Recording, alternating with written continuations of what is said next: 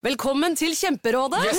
Denne gangen har vi fått inn et kjempedilemma fra en familie. Okay. Jeg leser Hei, vi er litt uenige i familien her. Mm. Hvis du skulle vært et dyr, ville du hatt gjeller eller vinger? Oi, den er tricky. Ja, hva ville dere hatt da? Altså, jeg vet ikke, men Med familierabatt får de ubegrenset data fra Telenor fra 399 kroner. Da kan de jo scrolle seg til svaret, rett og slett. Ja, ok, Men for min del Ja. gjelder. Nei, nei, Gjelder. nei, vinger. Nei, nei, gjelder. Ja, okay, ja, kjempebra. Men eh, se nye mobilabonnement på telenor.no, da.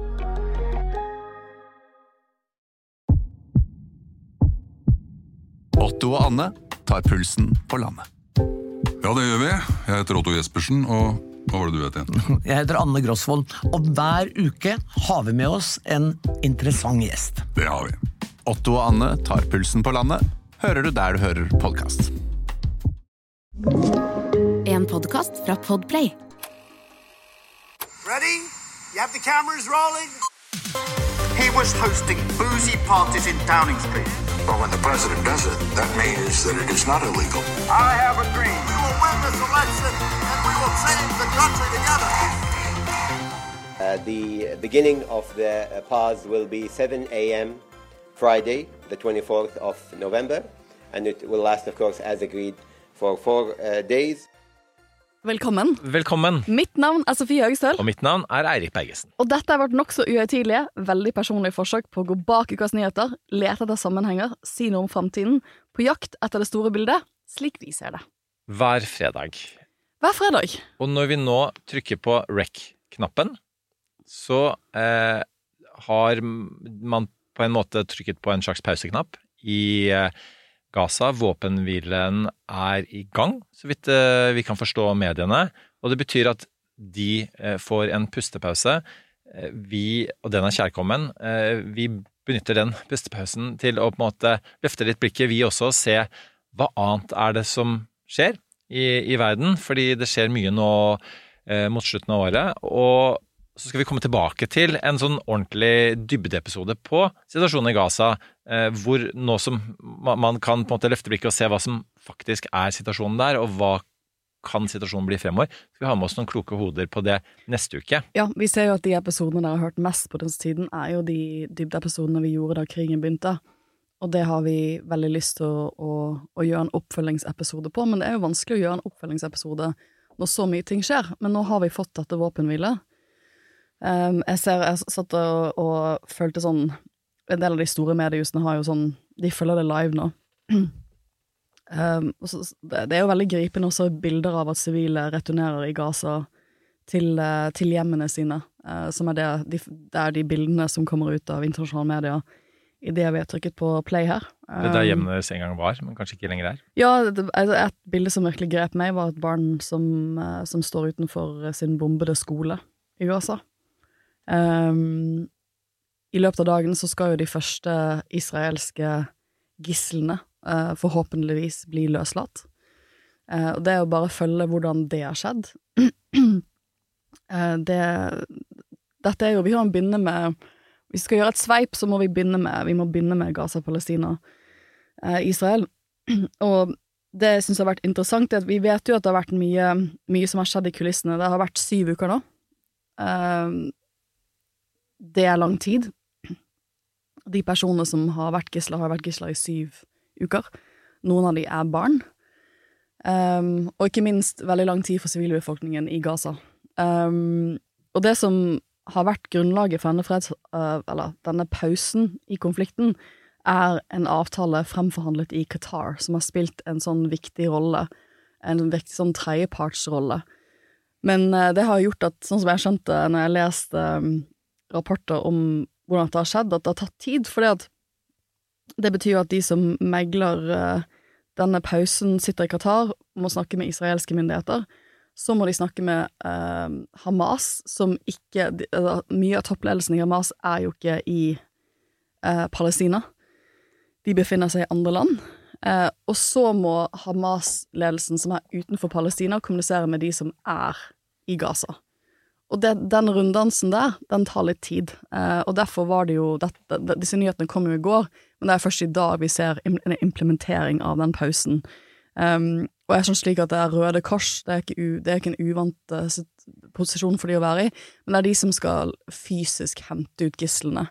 Og det handler litt om at Hamas veldig, skal være veldig bekymret for at hvis det er israelske myndigheter eller andre militære styrker som kommer og henter ut gislene, så vil de bruke droneteknologi og videoer til også å fange opp en del av deres um, militære strukturer. Så de har da funnet en tredjepart i Røde Kors, det er en klassisk rolle for Røde Kors å spille, som da skal gå inn og hente ut uh, gislene. Uh, de, de binder med kvinner og barn. Um, skal hente ut uh, Det ser jo ut som de har forhåndsdefinert hvem de skal hente ut i dag. Og så frakter de etter hvert til Israel. Og, og altså det også bare å lage sånne avtaler, og du nevnte det å implementere de, altså sette de ut i livet, er jo forferdelig vanskelig midt i en krig, det såkalt fog of war, altså denne tåken eh, setter seg, og noen ganger, også i den krigen, en blodtåke. Um, så gjør det veldig vanskelig. Og når vi sier at uh, Israel forhandler med Hamas, så er det jo en bitte liten del eh, av, av israelsk administrasjon som handler med en bitte liten del av Hamas, og det er mange på hver sin side som ikke vet hva som skjer. For sånn må det være, fordi det er hemmelig. Og når det gjelder på en måte denne type forhandlinger og, og, og det å måtte ja, selge inn da, til, til partene og, og, og, til verdenssamfunnet at det er en god idé. Så det forutsetter en viss type åpenhet, og det er nærmest umulig i sånne sammenhenger. Eh, og du Og man er mange aktører som, som rett og slett eh, stikker eh, kjeppene i hjulene. Og dette var Ada Nissen, som er, er, forsker på diplomati og sånt, som brukte dette bildet på en veldig fin episode på Kompass på P2 om at altså, fredsprosesser er å sammenligne med en sykkel. Du må ha en viss fart eh, når du skal eh, sykle, for ellers så faller du ut den ene eller, den andre siden. Eh, og du har alle disse som prøver å stikke kjepper eh, bokstavelig talt i hjulene for at du skal falle, eh, som har sine egne interesser eh, av det.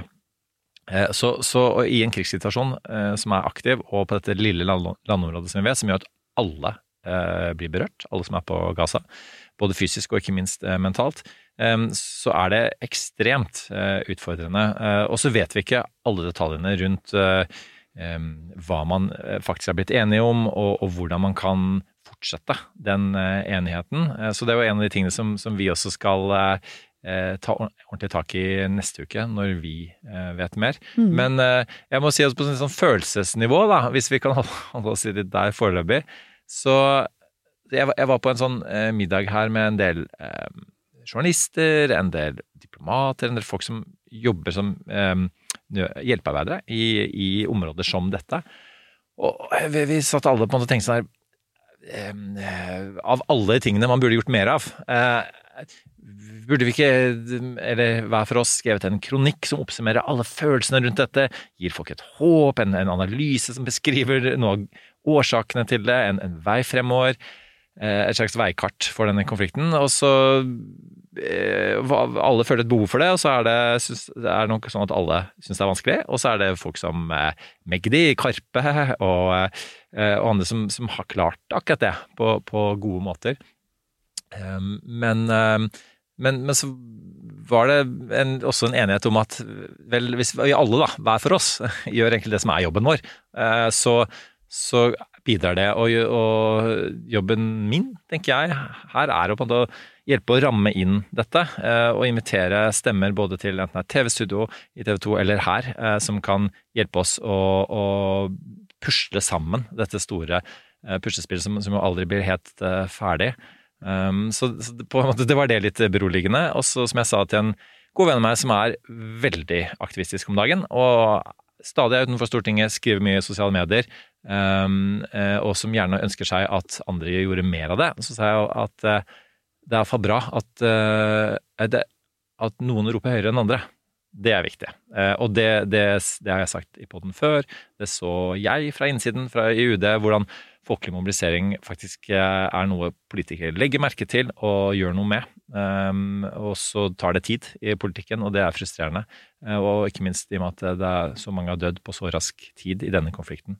Men uh, For, Og vi mm. kan jo si at essensen av denne uh, avtalen de har inngått, er jo at Hamas løslater en del av de gislene de har De tok for syv uker siden, um, mot at Israel løslater en del fanger, kvinner og barn, fra deres palestinske kvinner og barn, fra deres fengsler. eh, og så åpner de for at eh, nødhjelp kommer inn i Gaza. Og hvordan det vil utspille seg de neste dagene, blir interessant, men man blir jo, jeg blir jo eh, også i dag slått av hvor lange, altså hvor store ringvirkningene er i andre konflikter. Jeg leste en spennende artikkel om hvordan dette påvirker fredsforhandlingene som Saudi-Arabia har hatt i Jemen. For der er det plutselig aktører som de har snakket med, som har vært aktiv i Israel, eller mot Israel, siste ukene. Så det, det å prøve å nøste opp i det store geopolitiske bildet rundt denne konflikten, det er fortsatt utrolig vanskelig, samtidig som det jo fra dag til dag handler om de menneskelivene som er i konfliktområdet.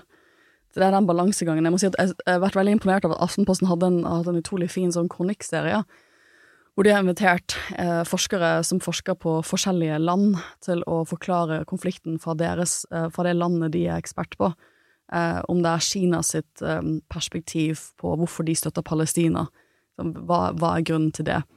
Eh, til, eh, til an, hvordan andre land i regionen ser på konflikten. Det har vært kjempespennende og opplysende å, å ha en sånn uh, artikkelserie for å prøve å forstå For å prøve å male inn litt av det større bildet da, rundt det som skjer. Så får vi håpe at um, at denne, at denne pausen blir en mulighet. Altså Israel har vært veldig tydelig disse dagene på at de, dette er ikke slutten. De kommer til å fortsette å krige, de, de skal fortsette sin militære angrep mot Hamas. Men man kan jo håpe at når man først får noen dager nå, forhåpentligvis, så vil det gi et større forhandlingsrom til å fortsette. Um, fortsette disse forhandlingene og kanskje lage mer varige løsninger. Men vi ser jo også samtidig at uh, informasjonskrigen er jo fortsatt i full vigør. Uh, noe av det som uh, israelske myndigheter har brukt mye tid på de siste 24-48 timene, det er jo å prøve å vise um, disse tunnelene som de mener at Hamas har hatt under sykehus, for eksempel. For jeg, jeg tror nok Israel nå Jeg tror nok også israelske myndigheter har, har, tatt til seg hvor unisont kritikken fra verdenssamfunnet har vært eh, for deres bombinger av sykehus. Liksom, hvor mange aktører som mener at det er en soleklar krigsforbrytelse å, bombe målrettet et sånn type beskyttet mål under folkeretten som sykehus er. Så de har prøvd å ta vestlige journalister inn i det de mener er tunneler for Hamas under, liksom, under disse sykehusene. Eh, og, på den andre siden så ser du lignende type forsøk på å, å, å prøve å få sympati for, for, sin side av saken. da. Så jeg tror nok begge aktørene her vil fortsette forhandlingene, men de vil fortsette, fortsette den informasjonskrigen på bakken. Eh, som du ser rundt hvem er det egentlig som har rett her, hvem er det som har gjort de rettmessige tingene. Um, så ja. Og det som er interessant å se, det er åpenbart, eh, som du sier, at, at Israel har fått mye kritikk for sin krigføring med god grunn. Og så akkurat det med den derre informasjonskrigen nå, som en av tingene som jeg også på denne middagen eh, snakker litt med noen Beskriver som noen i Forsvaret. Eh, om eh, Altså at den har vært så lite effektiv. Eh, altså dette er veldig profesjonalisert, ikke bare her, men altså informasjonshær. Eh, at, at det måtte ha vært så lite overbevisende, mm. i hvert fall i den innledende fasen nå. F.eks. akkurat dette med legitimeringen av, i den grad det i hele tatt er mulig, eh, mm. kamphandlinger rundt et sykehus. Eh, men også det der, dette at det skal ha vært et kommandosenter eh, under bakken, og at den, det kommandosenteret var av en størrelse som gjorde det rett og slett verdt det, da. Som er, det, er krigens regel. Ja, som enkelt. gjorde det til et legitimt mål allikevel, for da er det egentlig et militært mål. Og Jeg er ikke helt sikker på om jeg er i land der, for å si det sånn. Eh, og, og, det, og, det, blir jo ja. opp til den internasjonale straffedomstolen. Det er jo sånne type mm. vurderinger som, som, man må ha uavhengige fageksperter til å vurdere. hva, hva, hva tror du, basert på det? Og jeg vet at nå kommer du til å si at eh, det, det gjenstår å se, det tar lang tid å få dokumentert osv. Jeg syns det er veldig vanskelig altså, Jeg, jeg syns at i utgangspunktet, hvis du bomber beskyttede mål, sykehus er koneeksempelet vi bruker i undervisning på et beskyttet mål, så er det en krigsforbrytelse. For det er et sårbart sivilt mål, det sier seg selv, det er derfor folk er på sykehuset. Um, og de har ikke muligheten til å bare flykte. Uh, leger, det har vi sett i Gaza, får jo da valget mellom å bli og prøve å redde liv, eller å flykte selv. Det er umenneskelige uh, valg å måtte ta for en helsefagsarbeider. Så um, det skal ganske mye til, men det, Israel mener jo at disse kommandosentrene gjør at det egentlig er et fordekt militært mål, og da endrer det balansen. For man kan bombe blandede mål, altså så, såkalte Altså det som hvis, hvis, hvis intensjonen din er å gå etter et militært mål, men du kommer til å ramme en del sivile, så er det mulig innenfor rammen av folkeretten. Og det er jo det de mener, at det flipper, liksom. At det at eh, de har disse kommandostrukturene under, gjør at det egentlig er et legitimt militært mål. Men igjen, det, dette er jo den type vurdering Hvis jeg tenker på hvordan man setter sammen en internasjonal straffesak, så ville jo dette vært et eget tiltalepunkt. Hva skjedde på det sykehuset? Hva, hvilke type mål var det? Hva visste Israel når de bombet det? Videre. Ja, og så vet vi at, eh, at man er avhengig ikke bare av eh, opinionen i eget land, men også ikke minst opinionen i USA, jo, hvor demokratene sliter veldig. og det er store splittelser, eh, og, og man, Vi har nevnt det på både når vi hadde en gjennomgang av ett år før presidentvalget, at, Mm. at sånn, en stat som Michigan, som er en viktig vippestat, men som har på en måte vippet veldig i favør av demokratene, ikke lenger gjør det, blant annet fordi at det er mye arabiske amerikanere eh, som bor der. Og så var det også interessant å se for en gammel diplomat at eh, det har vært eh, tydelige splittelser i State Department, hvor eh, en, eh, en rekke diplomater har gått sammen for på en måte å tydeliggjøre hvor viktig det er å eh, Ikke at man glemmer det, men altså på en måte løfter de eh, palestinske perspektivene i en situasjon hvor man har gått veldig tydelig ut eh, og eh, gitt eh, sin støtte til Israel. Og så, så ligger det mye sånn diplomati bak der. Man, man, man er eh, Det har vært mange turer nå, eh, spesielt for utenriksminister Blinken, til området for å, for å prate. Man har jobbet på høygir, amerikanske, eh, qatarske osv. Eh, diplomater, egyptiske, eh, i disse dager for å få på plass dette her. Men at, at det perspektivet også eh, kommer tydelig frem bak listen, men også eh, uttalt. Fordi eh, For det er vel eh, ingen underdrivelse å si at Biden har fått store problemer i egen velgermasse, i eget parti, i eget byråkrati. På, sånn som krigen har utviklet seg. Ja, jeg syns også det var interessant Jeg så pressekonferansen til Benjamin Netanyahu hvor han eh, annonserte deler av denne avtalen, eller at dette skulle komme. Dette våpen, midlertidige våpenhvile, eh, og hvor mye han takket liksom Han brukte mye tid på å takke Biden for støtten, og det var det virket for meg veldig tydelig som han har fått tydelig beskjed om at nå skal du gjøre det tydelig hvor viktig USA har vært der, og hvor bra Biden har jobbet rundt dette, denne problemstillingen antageligvis i et håp fra Biden-administrasjonen om at det vil løfte hans anseelse hjemme. Eh, om det kommer til å funke eller ikke, er et godt spørsmål. Jeg ser jo at det en del større amerikanske medier skriver om, er jo, som du sier, også denne uken. Det var en lengre artikkel i Washington Post på onsdag som, som handlet om hvor man intervjuer eh, unge velgere i blant annet Michigan. eh, som en viktig vippestat, som plutselig er usikre på om de ønsker å å stemme på Biden etter, etter på bakgrunn av måten han har håndtert denne konflikten. Og jeg, jeg fikk jeg, jeg føler denne uken har, har liksom har mine har de spørsmålene jeg har fått fra norsk presse, vært litt sånn Trump kan vinne, eller hva, hva, hva skjer egentlig? Hvorfor, hvorfor sliter Biden? Uh, da hadde jeg en lengre runde på Studio 2 på tirsdag, uh, sammen med en, uh, sammen med søsterpodden vår som sier amerikansk politikk. Um, og da var jo spørsmålet jeg fikk, hvorfor har, hvorfor har unge hvorfor, hvorfor er det så mye spørsmål knyttet til at unge amerikanske velgere nå har endret syn på Palestina og så sa jeg sånn, men det er jo det unge folk gjør. Sant? Unge folk kommer inn i dette her med en annen um, historisk ramme enn det en person som er 10-15-20 år eldre gjør. Dette er første gangen jeg tror for mange 20-åringer at de kanskje har um, blitt presentert med, med Israel- og Palestina-konflikten på bakgrunn av no, en stor hendelse som skjer. Eh, ikke sant? Og da, litt sånn som 9-11 var sjelsettende for min generasjon, som var tenåringer da det skjedde, eh, så endrer jo det perspektivet ditt. Eh, som 20-åring vil du ha et annet perspektiv. Det, dette vil jo være din første kanskje introduksjon til Israel-Palestina-konflikten. Eh, hvor du gjør opp din egen mening. Og da er det klart du vil ikke ha en samme mening som en 40-åring som har andre perspekt eller historiske knagger å tolke den konflikten basert på. Da. Så det, det er jo ikke sjokkerende at unge folk kommer inn og ser på en konflikt litt nytt, og at det endrer eh, velgermønstre. Sånn er det jo. Sånn har det jo. Jeg merker det med studentene mine. Sånn har det alltid vært. Um, jeg tror det er mer naivt å tenke at man ikke skal se en sånn endring i opinionen til unge mennesker ut ifra deres samt, den samtiden de vokser opp i. Eh, Et eksempel på det var eh, Altså det er jo veldig vanskelig å lage politisk satire disse dager, eh, jo mer alvorlig verden blir. Samtidig kan du snu på det og si at jo mer alvorlig verden blir, jo viktigere er det eh, at vi prøver å tenke på andre ting. Men eh, også mitt sånn kroneksempel på at det er, er en logikk i det, er altså da Gordon, satirikeren i Vi for Vendetta, som er både en grafisk roman og en film. Filmen spilles han av um, Stephen Fry, som da blir spurt uh, Gordon is everything a joke to you? Og så svarer han no, only the things that matter. Uh, jeg har sett en, en altså han som ofte kalles for um, uh, Egypts John Stewart, Basim Youssef, som har vært har en palestinsk kone, vært veldig tydelig. Han har noen eh, intervjuer med Piers Morgan, som er ja, ganske langt på høyresiden, britisk journalist, hvor, som er veldig verdt å se. De er på YouTube.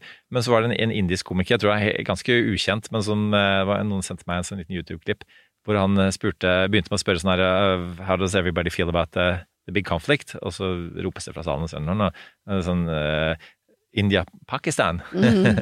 og så eh, Litt usikker på hvor folk står der. Eh, og men så, ja ok, hva med Ja, greit, Palestina-Israel. Nå er jeg i ferd med å gjengi en vits um, fra YouTube, så det, det, det You should have been there and heard it. Jeg får finne den sjøl. Um, men, eh, men, så, men så, så, så Hvem heier dere på? Ja, Pastina. Ja, var det en som roper i seg? Hvorfor det? Ja, nei, det som skjedde uh, um, i nyere tid. Og så Oh, you, you just started watching this season. Ja. ja, ja.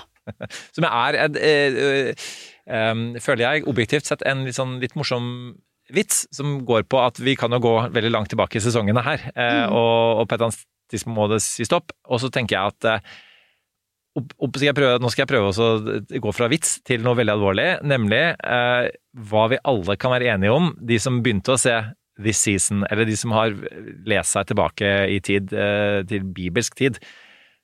Det at eh, det har vært altfor mye menneskelig lidelse eh, på kort tid eh, og rask tid, eh, det må man bare stoppe. Liksom. Og, og om det er våpenhvile eller anerkjennelse av det ene eller det andre, det er i hvert fall også våpenhvile. Um, eh, og, og om den er midlertidig eller varig osv., så, videre, så må det stoppe nå i dag. Og, og det er jo det forhandlerne har klart å, å skape enighet om. Mm. Og, det, og det handler jo om um, i, i diplomatkretser noe som heter BATNA, Better Alternative to Negotiated Agreement, som betyr at du må, liksom, du må legge fram en avtale, og så må du tydeligere for partene at denne avtalen her er bedre enn status quo. Det er bedre enn den situasjonen vi er i nå. Um, eh, og, og, og, da må du selge inn det. Eh, Og, det er jo, og det antageligvis det er det grunnlaget de har klart å selge inn nå. Det er, dette er jo ikke en tostatsløsning, det er ikke en fredsprosess. Eh, veldig mye kan fortsatt eh, bli verre, til og med, men, men, det, men det er et stopp. Og det er en mulighet ikke minst til å tenke seg om, eh, noe man da ikke alltid klarer i, i krig. da. Så, så det, er, måte, det, er, det er det man har fått til. Så kan man si at eh, oi, det skulle da bare mangle at, at det at, at man fikk til det, og at man, det burde man ha gjort for lengst. Selvfølgelig. Men så vanskelig er situasjonen i Midtøsten, eh, og samtidig opp mot at så enkelt burde det vært eh, å stoppe så mye lidelse. Absolutt. og Jeg, var på um, studietur med Henrik um, Heldal, som er uh, politisk journalist i Nettavisen, men også kommentator på amerikansk politikk. Det var, det var spennende å være der med han. For Vi snakket litt om hva unge velgere tenker året før presidentvalget, for unge velgere har jo vært veldig viktig for, um, for demokratene.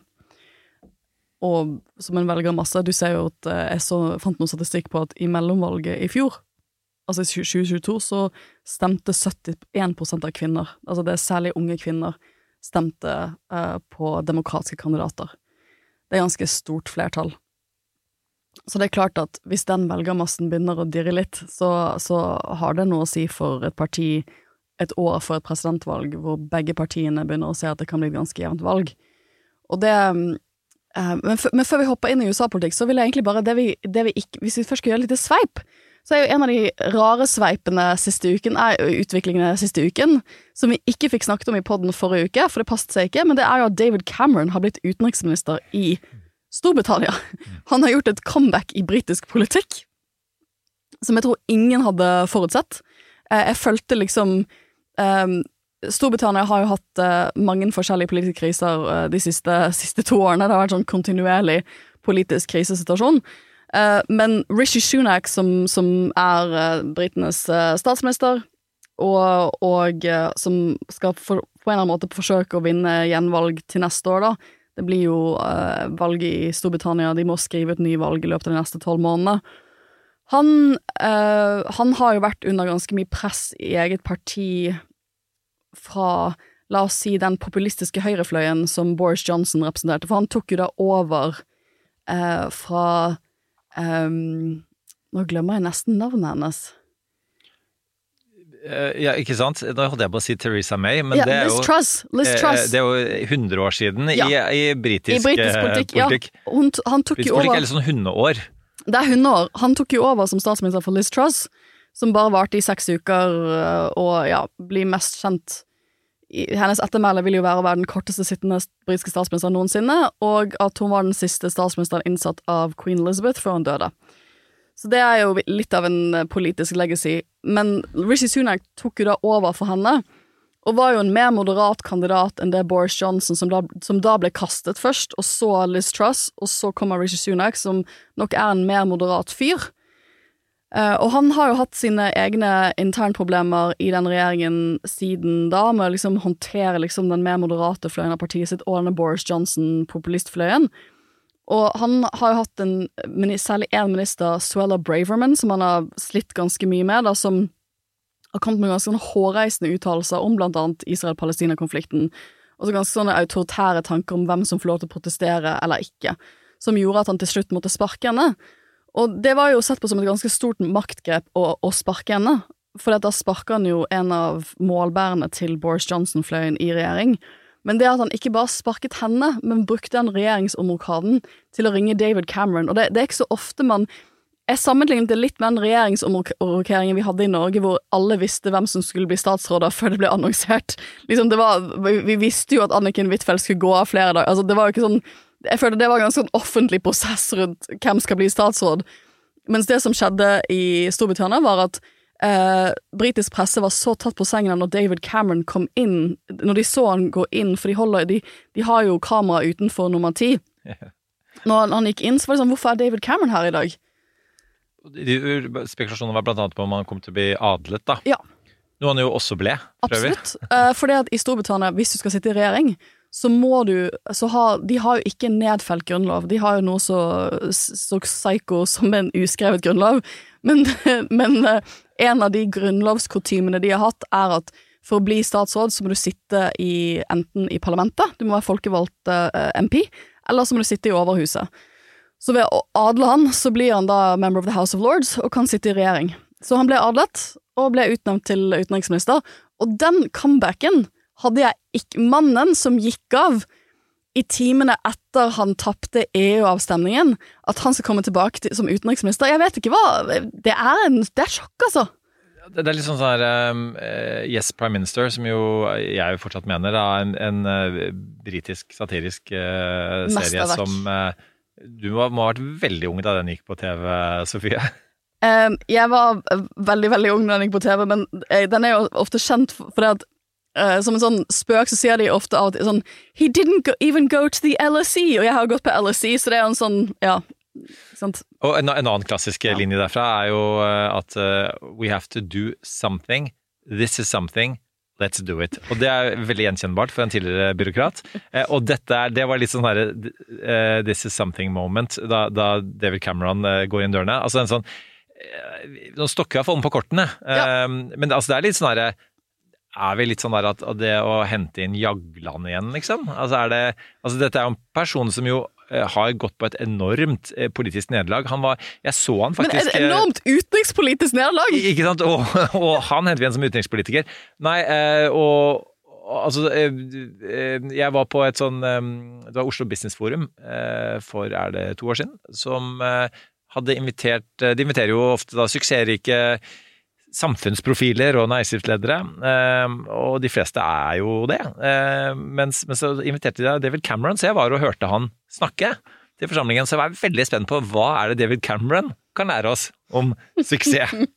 Eh, og jeg vet ikke helt hva konklusjonen ble, men, eh, men eh, det, han prøvde ikke engang å spinne brexit-prosessen Det er ingen måte å spinne det på. Nei, for, de som ikke husker det, så var jo altså han for at eh, Storbritannia skulle fortsette å bli EU, men eh, satte i gang en folkeavstemning allikevel, i den tro at eh, han dermed skulle vinne den og konsolidere sin side av, av eh, Han, skulle, partiet. han gjorde det rett og slett for å roe gemyttene internt i eget parti. For å roe det som jeg vil nå ville kalle Boris Johnson, populistfløyen i uh, Altså uh, anti-EU-fløyen av partiet.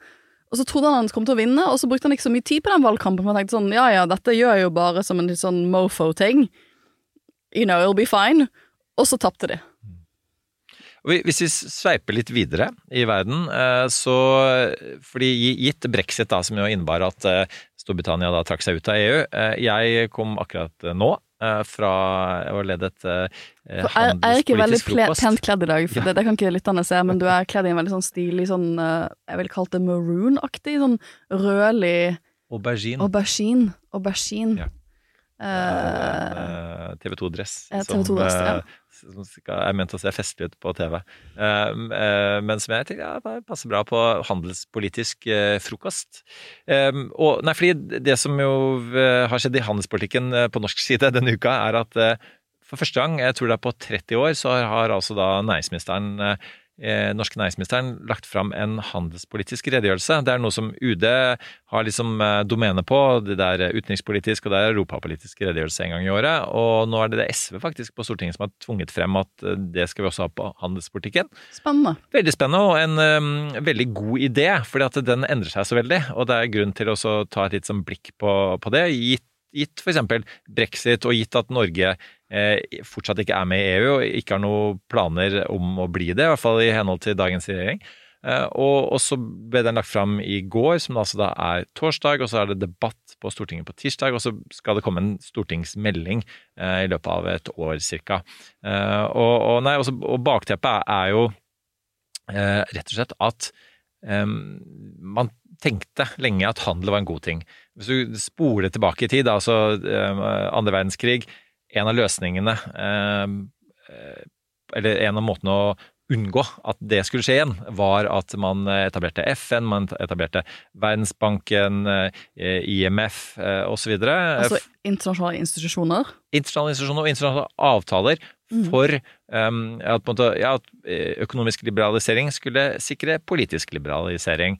Eh, og så gikk det ganske greit, og så, og så gasset man opp eh, tempoet sånn på ja, 80-tallet fram til 2008. Man fikk det som kanskje kan kalles da hyperglobalisering. Ja, store sånn virkelig sånn eh, liberaliseringen av verdensøkonomien. Ja. Masse globalisering, enda mer vekst i internasjonal handel. Og dermed ble på en måte eh, altså disse folkeavstemningene våre mot å bli med på dette. Eh, eh, litt sånn mot strømmen. Og så er vi vel en slags uformelt EU-medlem allikevel. Vi gikk liksom inn kjøkkendøra. Men så har dette etter 2008 fram til nå stoppet opp. De, man har rett og slett inngått langt færre handelsavtaler. Taler, WTO er på en måte frosset, som altså Verdens handelsorganisasjon. Og, og, og mange av de man har allerede, blir stadig mistenkeliggjort. Um, Og det er mer proteksjonisme i verden. ikke sant. Og, og, og man er Også blant våre handelspartnere. også blant USA, ikke minst. Um, og så er det noen strømninger i Norge også. Uh, så, uh, også og, og det er, er jo Og det gjør jo at, at det som ble sett på som, som positivt, og, og for så vidt også var det Hvis du tenker på ja, I forberedelsen på dette fant statistikker som viser mellom Altså av de landene som har handlet, da, eh, versus de som ikke har handlet, så har de som har handlet, eh, økt eh, sin økonomi med sånn fra tre og en halv til 5 ganger. Men så viser det seg at eh, ikke alle samfunnsgrupper i disse landene eh, har nytt like godt av det. Det har skapt eh, større forskjeller. Det har gjort at eh, når det gjelder klima, så har det gjort at eh, man eh, Det har blitt eh, eh, mer forurensning. Man har redusert muligheten til å overgangen til et grønnere samfunn, og sikkerhetspolitikken så har man gjort seg avhengig av en del land som, som ikke er like demokratiske, og såkalt kritisk infrastruktur, altså i den verdikjeden, enten det er, er eh, dippeduttene eh, til, til Kina eller, det er, eller Taiwan, som er på en måte eh, i sikkerhetsrisiko fra Kina, eller det er um, russisk energi, så, så er, er det spørsmålet også på banen. Um, så, men, men all grunn til, til å ta eh, den debatten. Det var eh, eh, en hel rekke eh, personer på scenen her, blant annet eh, LO-leder eh, eh, Peggy, eh, som jo, som jo er, står jo liksom i kanskje de fleste spagatene her, da, gitt at hennes eh, i LO-familien er det flere fagforbund som, da, som er veldig kritiske, annet til EØS-avtalen, som er, man må vel kunne si er selve ryggraden i, i vår handel, ikke minst med våre europeiske naboer. Eh, Hun, hennes eh, form, formulering var at man, hun regner med at man kommer til å lande trygt eh, der, eh, men så har hun også brukt eh, uka på å si at, eh, at for å lande trygt, så, så er det så må på en måte regjeringen da eh, Nå har Arbeiderpartiet lagt fram en havarikommisjon etter valget. Eh, ta hensyn til folks økonomi. Man må sørge for at, liksom, at eh, lommeboka eh, blir større, og det er jo det som er det, det stupid-biten av It's Economy. Stupid, Mm. stupid, at det må, må folk forstå. Ellers så, ellers så reduseres da folkepartiene, og ikke minst på venstresiden, eh, i, i makt og innflytelse, og da vokser eh, populistiske partier frem. Og det så vi annet denne uka i Nederland med Gert Willers sin valgseier. Før vi kommer inn på hva som har skjedd i Nederland, så vil jeg bare egentlig hoppe på, på det handel, handelspolitiske her.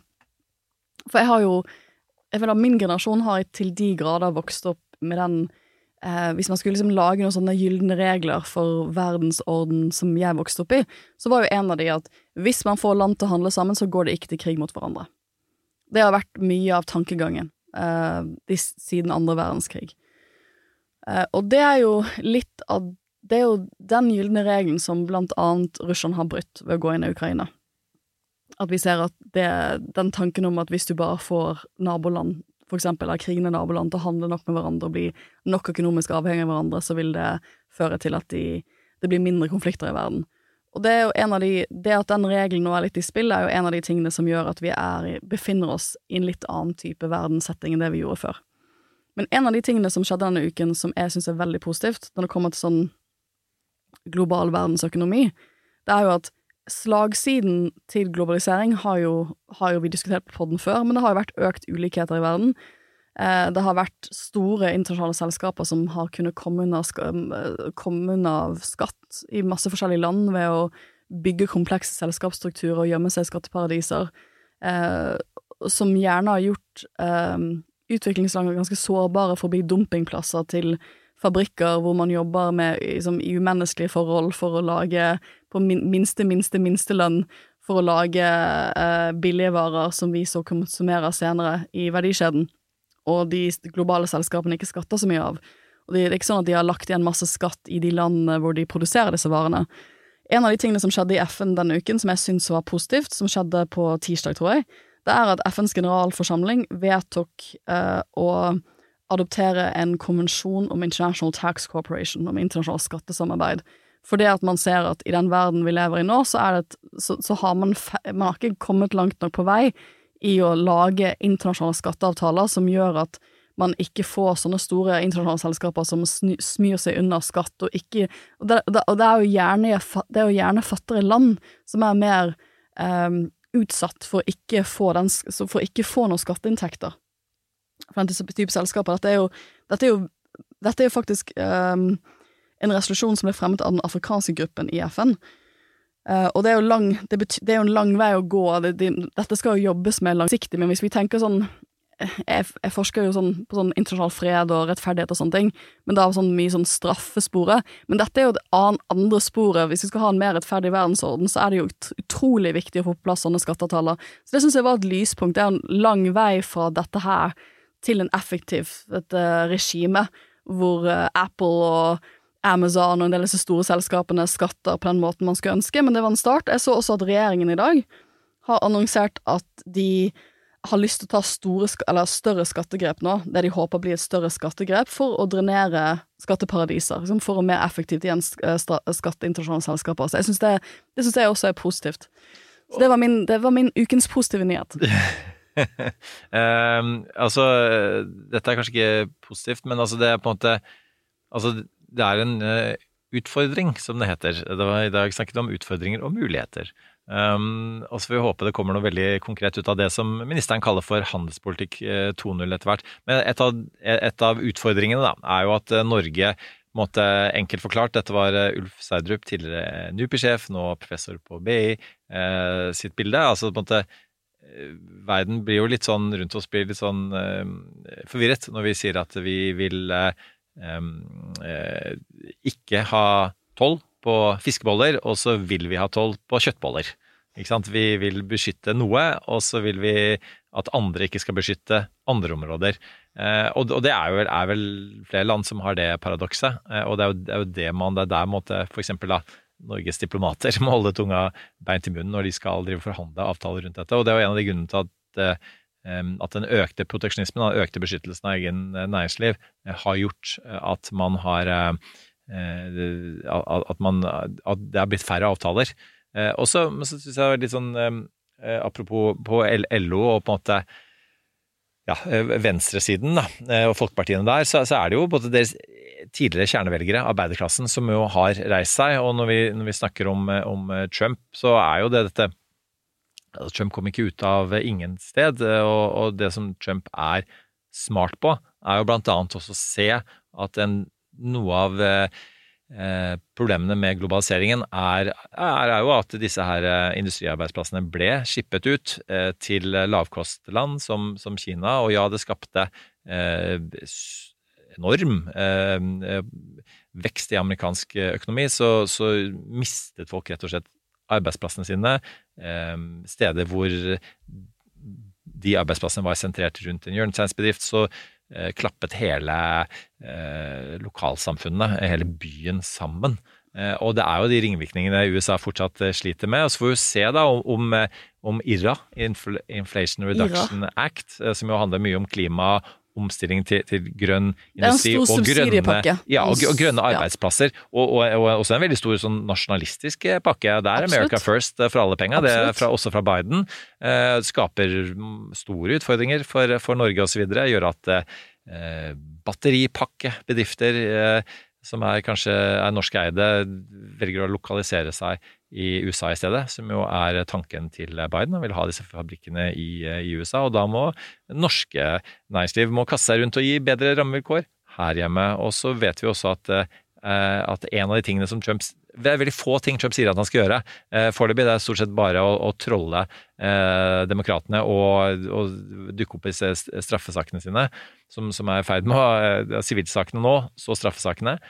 Men det han sier, er at eh, han har så konkret han sagt at vi skal ha 10 toll Tollmur. Eh, på, på, alt eh, med omverdenen. Og så har du eh, gode økonomer som Paul Krugerman i New York Times som sier at vel, da kommer USA, og kanskje til og med andre land som handler med USA, til å gå konkurs. Eh, så får vi se hva, om dette bare er et forhandlingsutspill, eller hva han egentlig mener med det. Altså, jeg har jo som sagt fått uh, mange spørsmål denne uken om, um, om hva Trump vil hvis han blir gjenvalgt. Mm.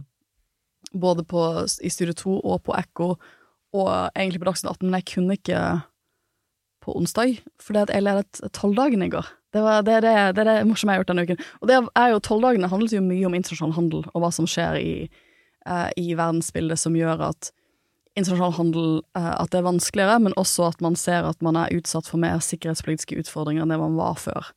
Uh, at norsk næringsliv er mer interessant for um, ja, for eh, dårlige aktører, for utenlandsk etterretning eksempel, som ønsker å unngå sanksjonsregimer. Som er, det, er jo en av grunnene til at Norge skal få en egen etat for eksportkontroll og sanksjoner. Det har vi ikke hatt før. Og det er jo fordi at det var, det var kjempespennende, det var folk der fra UD og PST som snakket om altså, hvor mange flere altså, hvor mange, sinnssykt mange flere henvendelser de får nå på eksport- og sanksjonsspørsmål, eller eksportkontrollspørsmål, enn det de fikk for et to år siden. Så her er, det, her er det veldig mye som skjer, som også er veldig ut, utfordrende for norsk næringsliv og for tollmyndighetene, som skal da prøve å håndheve sanksjonsregler som, som er i endring. Um, men, um, men, det med altså, Det interessante med Trump er at jeg føler at jeg føler at Man har jo vært gjennom så mange runder med dette her uh, før. Dette er jo ikke første gangen uh, vi har hørt noe sånt. Men det jeg føler at en del av hans sirkelen rundt hans har prøvd å selge inn de siste ukene, er at nå har han ansatt mer policy-folk. For nå skal han liksom beefe opp, han skal lage mer politikk, de skal liksom lage et tydeligere politisk veikart. Og at det er liksom flere forskjellige konservative grupper rundt Trump som nå jobber med forskjellige agenda, de kaller det sånn Agenda 2025. Han, hvis han skulle bli gjenvalgt, så blir han ikke president før 2025. Og det så man får liksom en, en ut ifra de da, en litt sånn tydeligere følelse for hva han har lyst til å gjøre politisk. Alt fra tollmurer til, eh, til hva han har lyst til å gjøre på innvandringsfeltet, eh, til hva han har lyst til å gjøre med narkotikaproblemene til USA, osv. Men problemet med dette her er jo at jeg har hørt dette før. Jeg har hørt før fra folk rundt Trump og fra republikanske og konservative tenketanksmiljøer at nei, men nå skal vi disiplinere Trump. Nå skal, vi, nå skal han få en tydelig politisk agenda, han skal bli så mye mer handlekraftig. Det skal bli slutt på denne kaos-presidentperioden hans. Eh, han, skal, han, skal, ikke sparke med folk. Nå skal vi få en generaler som skal virkelig disiplinere Hans hvite hus. Den har vi hørt. Den har vi hørt før. Og kjenner utfallet av. Og det har ikke skjedd. Så, for det var jo et av spørsmålene jeg fikk flere liksom, liksom, Jeg tror noen tenker at han blir enda farligere, og dette, dette skal vi snakke mye om på poden fremover. Eh, fordi at han nå har en bedre forståelse av hvordan å, å bruke presidentmakten enn det han hadde første gang, og at de, skal, de prøver nå å være mer forberedt på at de skal ta over makten enn det de var første gangen de tok over makten i 2017, for da var det jo et stort sjokk fordi at de hadde vunnet valget. Men min store sånn tankekors på alle, alle, liksom alle de påstandene om at de skal bli så mye mer profesjonaliserte, er at det er fortsatt Trump. Og Trump har jo ikke vist seg villig til å bli He can't be tamed. De har, å, de har, prøvd å, temme han før, de har prøvd å sette han inn til å bli en sånn handlekraftig president som skal bruke masse tid på politikk og så videre. Og så er det jo Han liker jo kaos, han liker å sparke folk, han altså, Jeg er veldig usikker på at øh, Jeg, jeg syns det er på mange måter sånn symbolsk for hele problemet til deler av det republikanske partiet og konservative miljøet i USA, er at det de har tatt fra de siste hva blir det, åtte årene, er at de tror at de kan temme han. Det har de jo aldri greid å gjøre før.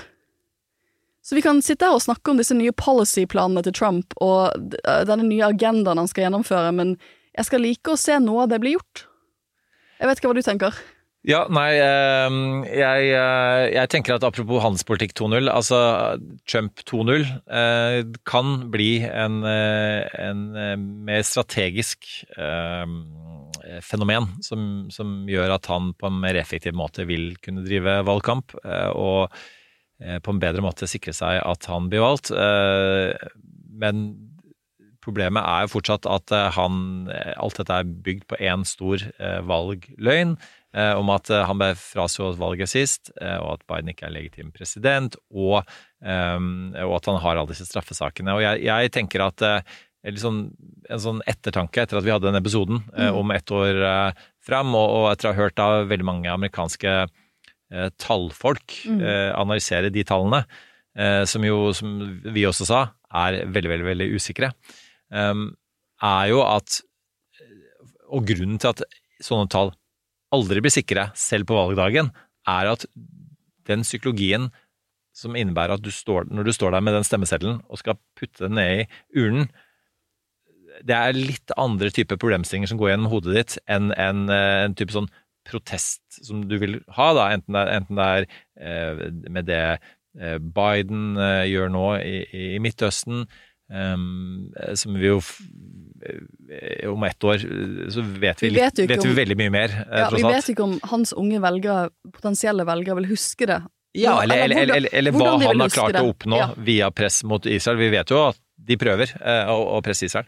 Eh, nei, og, og, og, hvor, og, hvordan, liksom, når Trump har vært gjennom kanskje noen av disse rettssakene, i hvert fall, eh, hvordan folk står i forhold til og, og, rett og slett da å velge en kriminell presidentkandidat versus en, en, en gammel presidentkandidat. Ja. Og, og, og, på mange måter kanskje ikke så effektivt som han hadde håpet. da. Ja. Så, så, så, så det, vi vet ikke hva, hva det utfallet Nei, og jeg, jeg, ble presset på dette flere ganger denne uken, og det jeg og tenkte enda mer på det.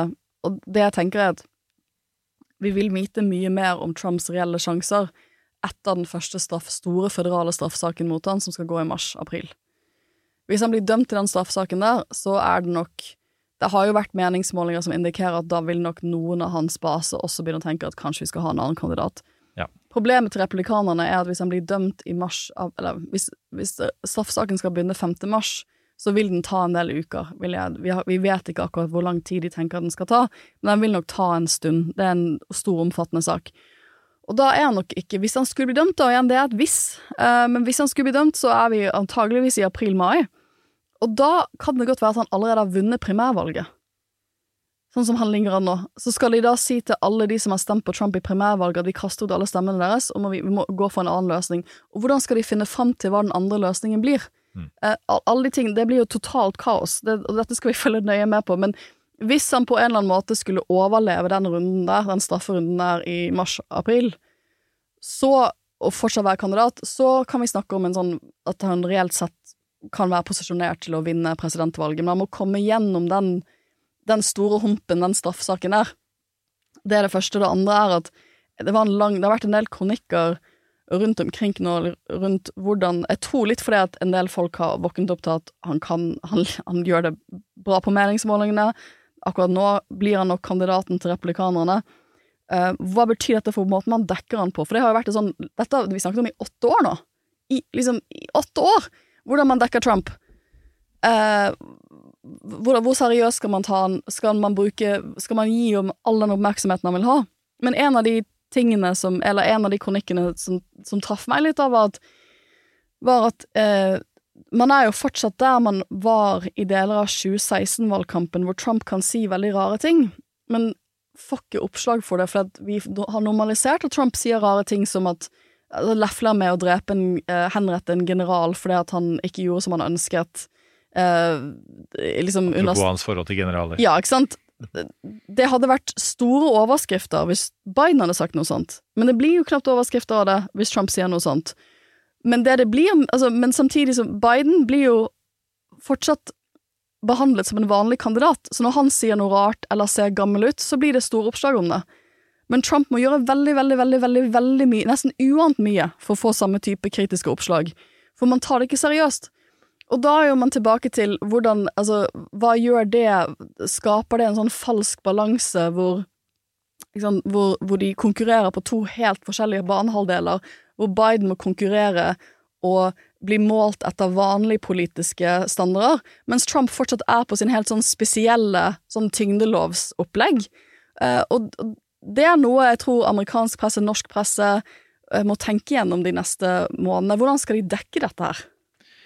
Ja, altså, eh, jeg har nevnt før på podden eh, eh, boken som heter The Age of the Strong Man av Gideon eh, Rackman, som er eh, sjefskommentator i Financial Times. Og, og disse ulike strongmennene, det er jo eh, Trump, det er Erdogan, det er Netanyahu og Orban osv. Og, så og disse, disse strømningene henger sammen. Eh, De, her utveksles det ideer, eh, og veldig mye av dette er basert på det vi snakket om i stad, altså en, de negative konsekvensene av globalisering. Eh, Selv om også det er positive konsekvenser av det. Eh, Og det han beskriver i den boken, er at dette er en fase som antageligvis ikke vil vare evig. Det er at her, her må på en måte de politiske elitene, byråkrati osv. Forstå at man eh, kan ikke ta for gitt eh, denne typen eh, Enten det er demokratisering eller globalisering eller økonomisk liberalisering. Man, man er nødt til å ta hensyn til også de negative tingene ved det. og, og det vil man forhåpentligvis rekke å gjøre før, før denne typen autoritær populisme får satt seg. Men eh, den har allerede rukket, allerede rukket å sette seg i mange steder i verden, i tillegg til eh, USA. Um, og, og det er vel USA og UK vi nevnte Boris i stad, hvor man, man tenkte at det kommer aldri til å skje her. Mm. American exceptionalism, sånne ting skjer ikke her. Nå har det gjort det. Et sted hvor det har skjedd før, og skjer igjen, er jo eh, Nederland, med Gert Willers ja, det, eh, dette var måten jeg skulle bygge bro inn til Gert Willers for det er helt I'm way ahead of you. Ja, ja, for Og hvis jeg bare slenger på med i samme åndedrag eh, et annet sted også som har opplevd mye av dette før, nemlig Argentina og Javier Milei. De har også hatt valg. Som også har vunnet, som er også ganske langt til høyre, som er litt utypisk en, en sånn type kandidat. I tillegg professor i økonomi. I know. En veldig Eh, spesiell type økonomi, men riktignok. veldig spesiell type professor. Nei, han, Han, er ikke- han er ikke helt uh, uh, eh, Han er vår venn uh, Jeb Bartlett, i eh, økonomiprofessoren Eh, nei, i nei. West Wing. Det er han ikke, og han er, blir jo beskrevet som Argentinas Trump eh, i pressen, eh, og har kommet med noen ganske sånn eh, drøye uttalelser eh, om alt fra Det er jo Abort. Abort. Det er jo sånn klassiske populistiske høyrevridde opplegg, ikke sant. Det er abort, det er kvinners rettigheter. Um, Mye kulturkamp. mye kulturkamp, Uh, som man har ridd hele veien til et valgresultat. Jeg har jo bodd i Nederland. Jeg føler ikke argentinsk politikk så tett, men jeg har jo bodd i Nederland, og syns det er overraskende altså, Men jeg har ikke fulgt så godt med de siste årene, at Gert Wilders, som Jeg liker at liksom når eh, BBC skulle beskrive han, så kalte de han veteran anti-Islamic populist. For han er en veteran, da. Han har han har vært der er- en stund. Han var den han første på en måte veldig anti-islamske politikeren i, i Europa. Europa. Uh, og derfor, han jo, derfor er han jo et navn Jeg tror veldig få nordmenn ville kjent til et navn på en nederlandsk politiker. Det er jo ikke, ikke et land vi følger politisk på den måten. Men Gert Wilders, fordi at han var ganske tidlig ute med særlig en sånn, sånn anti-islamsk populisme, uh, så har han fått mye oppslag i, uh, i europeisk presse gjennom mange, mange, mange Altså flere tiår nå. Um, mens han parti, hans parti, PVV, altså Fredspartiet, de uh, ser ut til å ha vunnet hva er det, 37 plasser i det nederlandske parlamentet. Uh, På 150 ja, seter. på 150 seter. Det er mindre parlament enn det vi har i Norge. Altså det er mindre plasser der enn det er på Stortinget. Uh, som betyr at du bare trenger 76 plasser for å danne en regjering, eller for å ha flertall. Så han prøver, jo, han prøver jo rett og slett å bli statsminister denne uken. Ja, og, og den personen som har vært statsminister, er jo også en som i hvert fall nerdene kanskje vil huske, Mark Rutte, som Mm. noen eh, prøvde å, å promotere som en mulig arvtaker etter eh, Stoltenberg, Mm. eh, som Nato-sjef, men som jo er blant de få, er det lov å si, i, eh, i um, europeisk politikk som er altså sosialliberal uh, politiker, da, sånn som uh, dere i Venstre. Uh, ja, Hiv inn Macron nå, da. Mm. så, og som har, har sittet ganske lenge. Og som fortsatt som Det er matematisk mulig for hans koalisjon å holde plassen. Den må da utvides litt. Grann. Det er noen, det er noen grønne partier osv. Og, så og du, det du kan ende opp med, da, det, det er liksom det som, som jeg eh, så i, i, da jeg bodde i eh, Belgia og jobbet, eh, jobbet i EU i Brussel. Antwerpen for eksempel, og noen andre byer. Mm. De hadde altså den sånn Flams Belang, da, som har den type eh, veldig outrert, eh, populistisk, nasjonalistisk, innvandrerfiendtlige eh, partier, som, som vant, fikk den type tall som Gert Willers nå får, eh, og, og dermed på at det kunne overta disse byene. Det som har skjedd var at eh, du fikk en sånn motreaksjon hvor alle de andre partiene dannet sånne regnbuekoalisjoner mot de for å stoppe det. Og en sånn type regnbuekoalisjon kan det være at man, man får til i, eh, i Nederland, men det er ikke gitt. Nei, og det, for, for meg så, så kan jeg liksom ikke altså, For, for å sette det i perspektiv, hans parti fikk Gert Willers parti fikk 37 mandater, neste parti ned på listen fikk 25. Så han, har fått, han er soleklart støttepartiet. Eh, og for meg er det bare helt eh, Hadde vært helt uvirkelig å tenke på han som statsminister. Og, det, og han er jo sånn, hvis du skulle tenke på sånn folk som Jeg tror ikke Trump noensinne nødvendigvis vet hvem han er, men de har noen fellestrekk, de også. Ja, altså, og, og en han vet veldig godt hvem er, er jo Orban, som jo da er eh, Ungarns eh, populistpresident. og vi, vi snakket jo om at, at Polen eh, for bare noen uker siden gikk, gikk i, i den andre Mm. retningen, hvor eh, Lov- og rettferdighetspartiet tapte valget. Og, Piss, som de også Ja. har som korsen der. piss.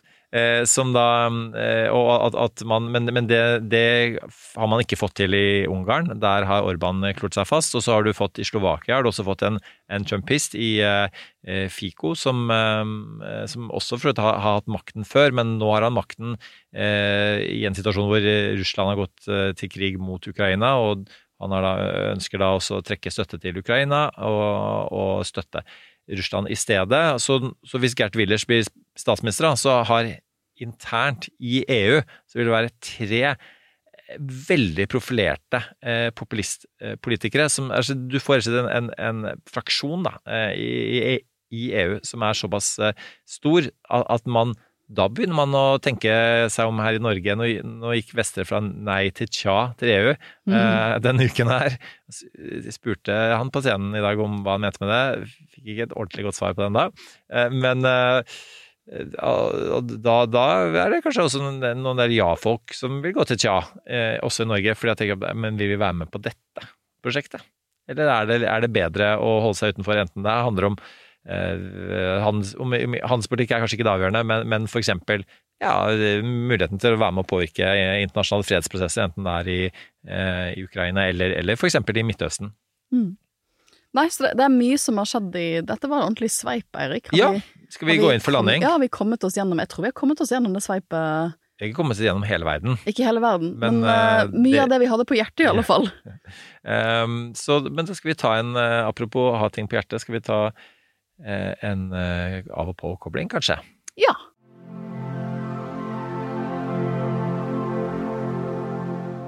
Ja, nei, jeg har nemlig en hjertesak. Du har en Eh, hjertesak. ja, det, det, det er egentlig ikke meningen å, å foreslå um, verken en konkurrerende podkast eller en min konkurrerende podkast, som jo da er er. Kommunikasjonspodden. Det er en er supplerende podkast. Men eh, jeg var så heldig denne uka å få intervjue Lindis Hurum, som er eh, sjef i Leger uten grenser, eh, og som eh, gjerne kommer hit òg, for øvrig. Eh, Vi har muligheten å dykke enda litt dypere i en del eh, ting, men eh, det var i Kommunikasjonspodden som det er kommunikasjonsfaglige. Hun har den bakgrunnen både i denne organisasjonen, hun kommer jo fra, fra TV-verden eh, opprinnelig, var jo produsent for Vil du bli millionær, eksempel. Eh, Ja. Og en, ja, en rekke veldig lettbeinte ting. og mye glitter og stas, som hun sa, og så jobber hun nå med ting som er langt unna glitter og stas. eh, Og er jo en av de stemmene som nok mange har lagt merke til i den norske debatten rundt, rundt det som skjer i Gaza. Og det var ja, sterkt å, å, å treffe henne. Bare kjenne henne litt fra før, eh, og at eh, Selvfølgelig fullstendig overarbeidet, eh, altfor lite søvn, eh, men um, put on a brave face, som du ville sagt, Sofie, og, og lot seg intervjue for sikkert x antall gang bare den dagen. Um, og, og det var ett sånn så, så, Og det um, var ikke meningen å anbefale den samtalen, men egentlig bare litt sånn altså dette midt i Black Week også, som er en selsom uke, fordi at vi har også ikke bare lange køer etter litt billig elektronikk, vi har lange køer, matkøer, eh, i mm. Norge i disse dager. Eh, Og en, en ny Fafo-rapport eh, viser at, eh, at det er litt nytt fenomen. Vi er i ferd med å på en måte Dyrtiden er i ferd med å befeste en del sånn fattigdomstrekk eh, trekk i Norge som ikke er bra. Eh, eh, og Nei, og, og, og, og, men, men egentlig bare sånn kanskje istedenfor å kjøpe den siste generasjonen eh, AirPods, da, eh, kanskje bruke penger på organisasjoner som Leger uten grenser i disse dager. Og det, eh, og gitt, og det var i utgangspunktet vårt, at, at sykehus blir angrepet. Um, og, og jeg tenkte bare jeg skulle avslutte den biten med et sånn bilde av, av alle bilder fra Gaza som har gjort mest inntrykk på meg er jo selvfølgelig i tillegg til, til, til det å se barn i ruiner, eh, er Det var eh, en Leger uten grenser-kirurg eh, på Shifa-sykehuset um, Nei, unnskyld, det var på Al-Auda-sykehuset. Eh, så hvor det er sånn, sånn kirurgisk sånn whiteboard, en sånn tavle, som, som hvor man vanligvis skriver, følger, skriver opp sånn pasientkoordinater eh, osv., eh, som hadde da skrevet noen ord på den tavlen, så da, på en måte da pressen eh, kom dit, så sto det altså på, på tavlen, eh, skrevet av en kirurg, Whoever stands until the end will tell the story. We did what we could. Remember us. Og det var liksom, det er en av de, Mm. uh, en av de mest sånn derre uh, uh, Ja, det, følelsesladde mm. bildene jeg har sett, og bokstavelig både eh, fysisk og mentalt. eh, eh, av den, den heroiske kampen som folk med hippokratisk ed om å redde folks helse, uavhengig av politikk, eh, gjør i disse dager. Så støtt Leger uten grenser er min anbefaling denne uka. Det er en anbefaling jeg så absolutt kan støtte. Jeg har tenkt litt i de samme baner denne uken. Jeg dømmer jo ingen for å benytte seg av et godt Black Friday-sale. Jeg har gjort det selv. Jeg kjøpte robotstøvsuger. Da følte jeg meg som sånn peak basic eh, bitch. Jeg har kjøpt seg robotstøvsuger. Men det er også sånn Sjekker du hvor datakomponentene kom fra? eh, Nei, så jeg, jeg har nok eh, Kina i lommen. Det er en kinesisk eh, det, det, er en, det er et kinesisk selskap jeg har kjøpt det fra. Støv, støvsugerinformasjon eh, du har liggende rundt omkring også? Eh, ja. eh, den er altså Men det, det er liksom Jeg tror mange Jeg bruker Black Friday ofte til å kjøpe større ting som jeg har spart til en stund. som kommer på salg. Um, så jeg, jeg skjønner godt eh, alle som uh, kaster seg over et godt Black Friday sale. Det er dyr tid. Jeg har ikke tenkt å betale mer for en vare enn det jeg egentlig må. Um, men den boken jeg har lest denne uken jeg vil jo, Ukens anbefaling var egentlig tolvdagene. Jeg hadde det kjempegøy i går. Jeg lærte masse nytt, og det Jeg føler at uh, Jeg føler at um, jeg er, jeg er jo forsker, og det er mange positive og negative sider ved min vanlige dayjob. Men en av de, er, en av de negative sidene er at du er jo ikke ute i Du er jo ikke ute i Jeg har ikke lyst til å si den virkelige liv, for vi, vi akademia er også det virkelige liv. Men du er jo ikke ute du, du, skriver og leser og forsker på ting, men du er jo ikke ute i felt eller ute i praksis og ser hvordan det der funker. Og det å da være på tolvdagene som skulle handle om en verden i endring, og høre fra så mange forskjellige aktører som jobber med som, som, jobb, som, som altså, Du og jeg kan sitte og snakke om å, det er mer fragmenterte handelsmønstre, men hvis du jobber i tolletaten, så ser du det. Så det er veldig, det, du, du, ser jo den endringen fra Du kan måle den endringen fra måned til måned. Du ser at oi, nå skjer det et eller annet uh, med, med, supply chains her. For det kan, du, det kan, du, faktisk se, eller hvis du Ja, hvis du jobber Verdikjeder. Verdikjeder. Eller hvis du jobber i PST, så kan du se at oi, nå er det, nå er det litt annen type, nå er, nå er det litt annen type påvirkningsmuligheter mot norsk næringsliv, fordi at for eksempel personer altså fra russisk etterretning har behov for å kjøpe norsk teknologi i deres militærting, fordi at deres militærbransje er nå under sanksjoner. Du, du, ser konsekvensen av det, mye av det vi snakker om, så det, det å kunne liksom bruke en hel dag Jeg, jeg følte det var masse faglig påfyll for meg. Men når, når, du sier at du anbefaler tolvdagene, betyr det at dette, det, det, dette er streamet, sånn at folk kan gå og se? Jeg kan bare si det var med den personen. Ja, er, det, er, det, mulig å se en stream? Jeg tror det er, det er, det måte. Jeg forstår at det er for de aller mest nerdete av dere, men, ja, men jeg, jeg, tror det, men det var bare, jeg må si skikkelig, skikkelig gøy. Men, uh, men så det, det, var min personlige sånn uh, Det syns jeg var uh, Jeg lærte veldig mye. Um, årets nerdeanbefaling eh, som etterfølger årets mest kommers-anbefaling om men, å bare men, men, gå løpsk på Blackwick. Men, men, men det, den boken jeg leste, for jeg har ikke hatt så mye til å lese denne uken, heter Scarcity Brain av Michael Easter. Og jeg liker litt sånn formidling, sånn, sånn popular science-bøker. Jeg syns det kan være ganske gøy å lese. Jeg syns det er sånn hjerneforskning og måten vi tar valg på og, og sånn eh, så, Sånn type bøker er veldig, veldig spennende. Eh, og han her, han, Michael Easter er en um, science journalist, og for så vidt professor, tror jeg. Som skriver mye om Gjør mye sånn utrolig god formidlingsarbeid rundt uh, vitenskapelig forskning, uh, særlig knytt til, uh, knytt, knytt til måten vi vi tar valg på. Og den scarcity brain handler jo egentlig om at hvorfor vi i en verden hvor vi har så mye, i alle fall mange av oss har veldig mye, fortsatt har en litt sånn hig etter litt mer. Vi craver litt mer. Uh, og, og, liksom og det, og det, Jeg har kost meg med denne boken um, så langt. Litt fordi at det er jo noe man kan tenke litt på på Black Friday. Hvorfor, hvorfor hvis, man har, hvis man har en ok jobb og har liksom hus og og, og, og, det meste man trenger. Hvorfor higer jeg etter dette nye tilbudet? Han, han går sånn historisk til verks og sier sånn som et sånn overlevelsesmekanisme så har det vært bra for menneskeheten. Så har det nok lenge tjent deg godt som en impuls at hjernen din bare sånn 'Å, oh, jeg har lyst på litt mer makt og innflytelse'. For hvis du hadde makt og innflytelse for 1000 år siden, så kunne det være avgjørende for at du overlevde i gruppen din, ikke sant? Så det å hige etter litt mer makt og litt mer suksess, det var ganske, det var ganske sånn smart ting å gjøre. Eller litt mer mat, for eksempel. Opp gjennom liksom, evolusjonen vært veldig fint for oss å hige etter litt mer mat, men i et samfunn hvor du bare drøsser over med mat, kanskje ikke like mye. Så han skriver om liksom måten hjernen vår funker på, og hvordan man kan liksom eh, gå for å ha en hjerne som tenker, som tenker, at vi trenger litt mer, til å kanskje tenke at vi har ganske mye. Så det du egentlig sier nå, er at du samtidig som du har lest en bok som analyserer din hjerne sitt, behov, sitt, sitt, overdrevne behov ja. for forbruksvarer, mm. så har du gått ut og kjøpt forbruksvarer. Ja. Som du det, kanskje jeg... ikke trenger. Nei, du, du, jeg... du, planlegger en utvidet familie. Du jeg trenger en ting. Familie. Og, og, du trenger å ikke støvsuge, men at en robot gjør det for deg ja. når du skal eh, oppdra barn og skjøte både eh, jobben din og podkasten din. Absolutt. Så det støtter jeg. og med det, med, det så, med de blandede signalene fra meg Ja. Meget motstridende signalene. Mm. så, så ønsker vi um, dere en god helg, en fortreffelig neste uke. Og så teaser vi altså allerede nå en eh, Dybdeepisode. dybde om hvor vi står i Gaza eh, om eh, en eh, ukes tid. Vi lyttes. Ha en fortreffelig helg. That's enough. Put down the mic. Du har hørt en podkast fra Podplay. En enklere måte å høre podkast på. Last ned appen Podplay, eller se podplay.no.